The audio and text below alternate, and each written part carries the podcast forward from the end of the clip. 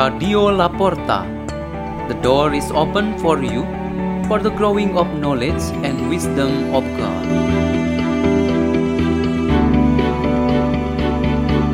by Manette Maturan from the parish of Saint Don Bosco, Danau Sunter, Jakarta.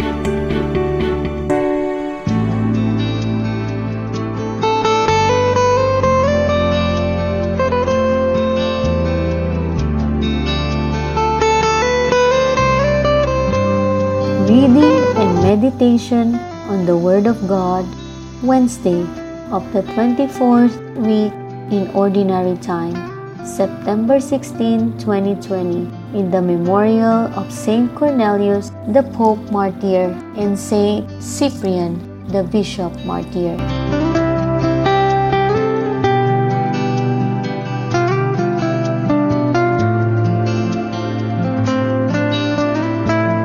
Reading is taken from the Holy Gospel according to Luke.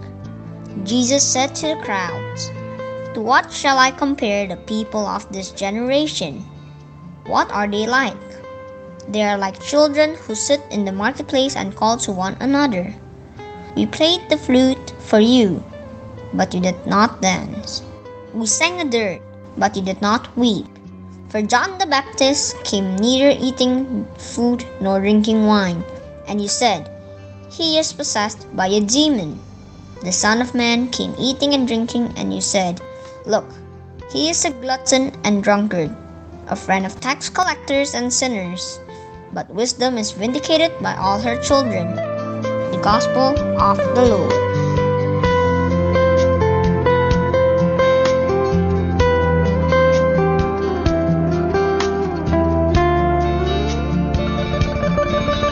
Theme of our meditation today is Don't enjoy indifference.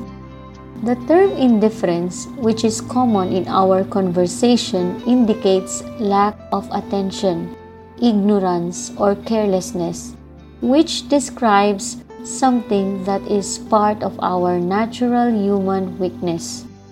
If we are indifferent to our relatives or friends, for sure, this will make them angry or offended. The Lord will also be disappointed if His people treat Him indifferently. Jesus Himself, sent by the Father to be the Savior of the world, faced the indifference of those around Him. He considered them as a generation that was indifferent and ignorant. They simply fooled themselves because of their stupidity. The longed promised Lord already came and was present in their midst, and yet their hearts, minds, and eyes were blinded. Therefore, they could not hear him, and so they rejected him.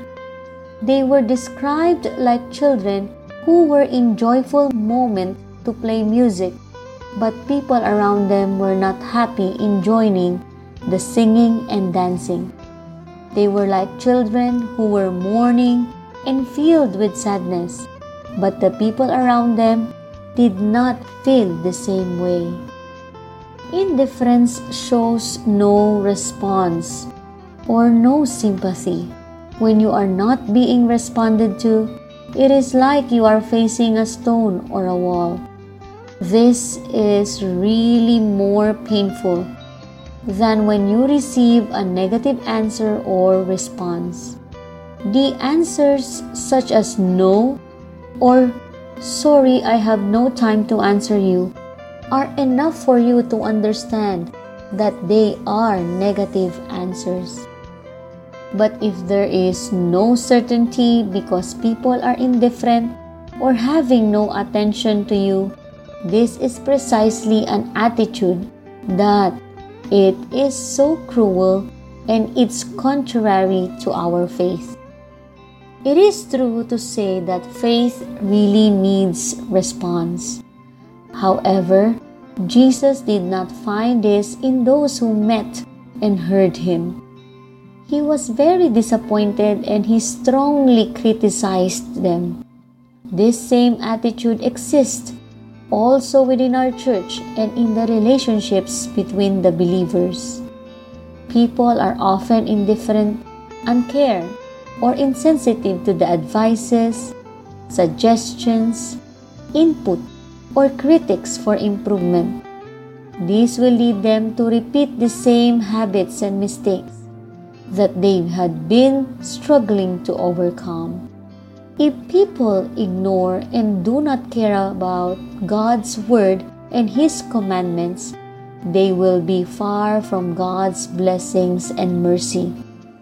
Indifference is really against love.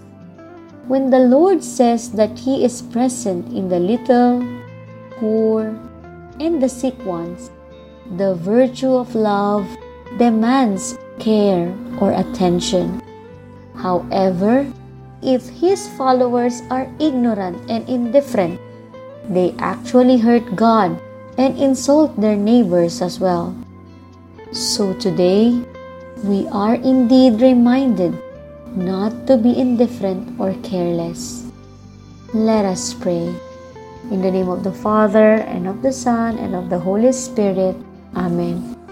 Lord Jesus, make us people who always care and ready to take part in the improvement and development of our lives as your beloved people. Our Father who art in heaven, hallowed be thy name. Thy kingdom come, thy will be done on earth as it is in heaven. Give us this day our daily bread, and forgive us our trespasses, as we forgive those who trespass against us. And lead us not into temptation, but deliver us from evil. Amen. In the name of the Father, and of the Son, and of the Holy Spirit. Amen. Radio La Porta. The door is open for you.